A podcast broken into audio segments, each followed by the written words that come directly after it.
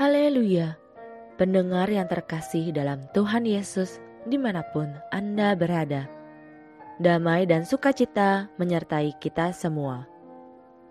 Renungan sau bagi jiwa yang disajikan Gereja Yesus Sejati berjudul Janganlah kamu sendiri menuntut pembalasan. Dalam nama Tuhan Yesus membacakan renungan firman Tuhan.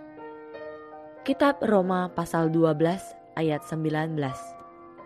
Saudara-saudaraku yang kekasih, janganlah kamu sendiri menuntut pembalasan, tetapi berilah tempat kepada murka Tuhan. Sebab ada tertulis, pembalasan itu adalah hakku, akulah yang akan menuntut pembalasan. Firman Tuhan. Miriam dan Harun adalah kakak perempuan dan kakak laki-laki kandung Musa.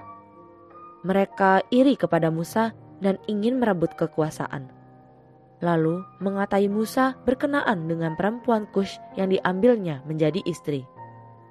Kita bisa bayangkan betapa getir dan sedih hati Musa. Tetapi karena Musa sudah dilatih oleh Tuhan selama 40 tahun di padang belantara, sifat-sifat tajamnya sudah Tuhan kikis habis. Maka walaupun hatinya sedih oleh fitnah dari kakak-kakaknya itu, dia tetap bersikap tenang dia bukan saja tidak bertengkar dengan mereka, bahkan tidak menuntut pembalasan dari Tuhan. Dia hanya berdiam saja, menanti perkara ini lewat. Dia tahu bila dia bertengkar dengan mereka, keadaan akan semakin panas. Dan semakin salah paham, mereka akan jatuh ke dalam jerat cobaan iblis.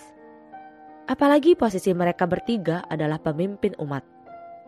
Kalau timbul perselisihan di antara mereka, tentu akan merugikan bangsa Israel. Karena itu, Musa memilih berdiam diri. Dia tidak membela diri, juga tidak menuntut pembalasan. Karena sikapnya rela terhina ini, Tuhan lalu segera berbicara membela dia. Tuhan turun dalam tiang awan dan berfirman kepada Harun dan Miriam, "Berhadap-hadapan aku berbicara dengan dia.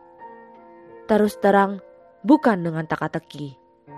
dan ia memandang rupa Tuhan. Mengapakah kamu tidak takut mengatai hambaku Musa?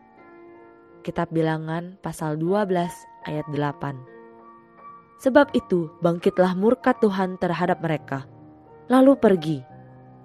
Maka tampaklah Miriam kena kusta, putih seperti salju.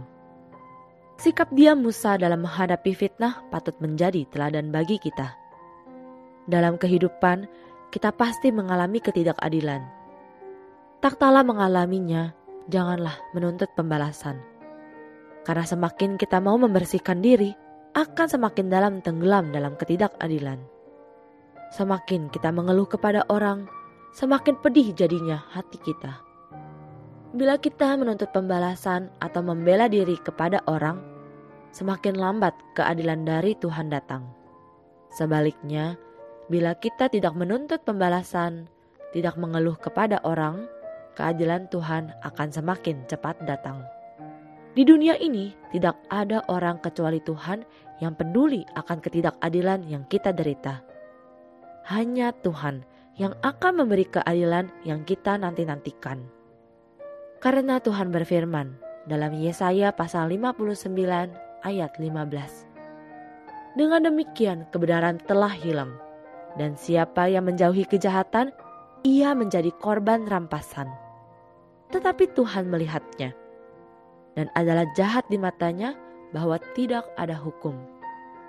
Dalam kitab Yeremia pasal 17 ayat 9 sampai 10, betapa liciknya hati, lebih licik daripada segala sesuatu. Hatinya sudah membatu. Siapakah yang dapat mengetahuinya?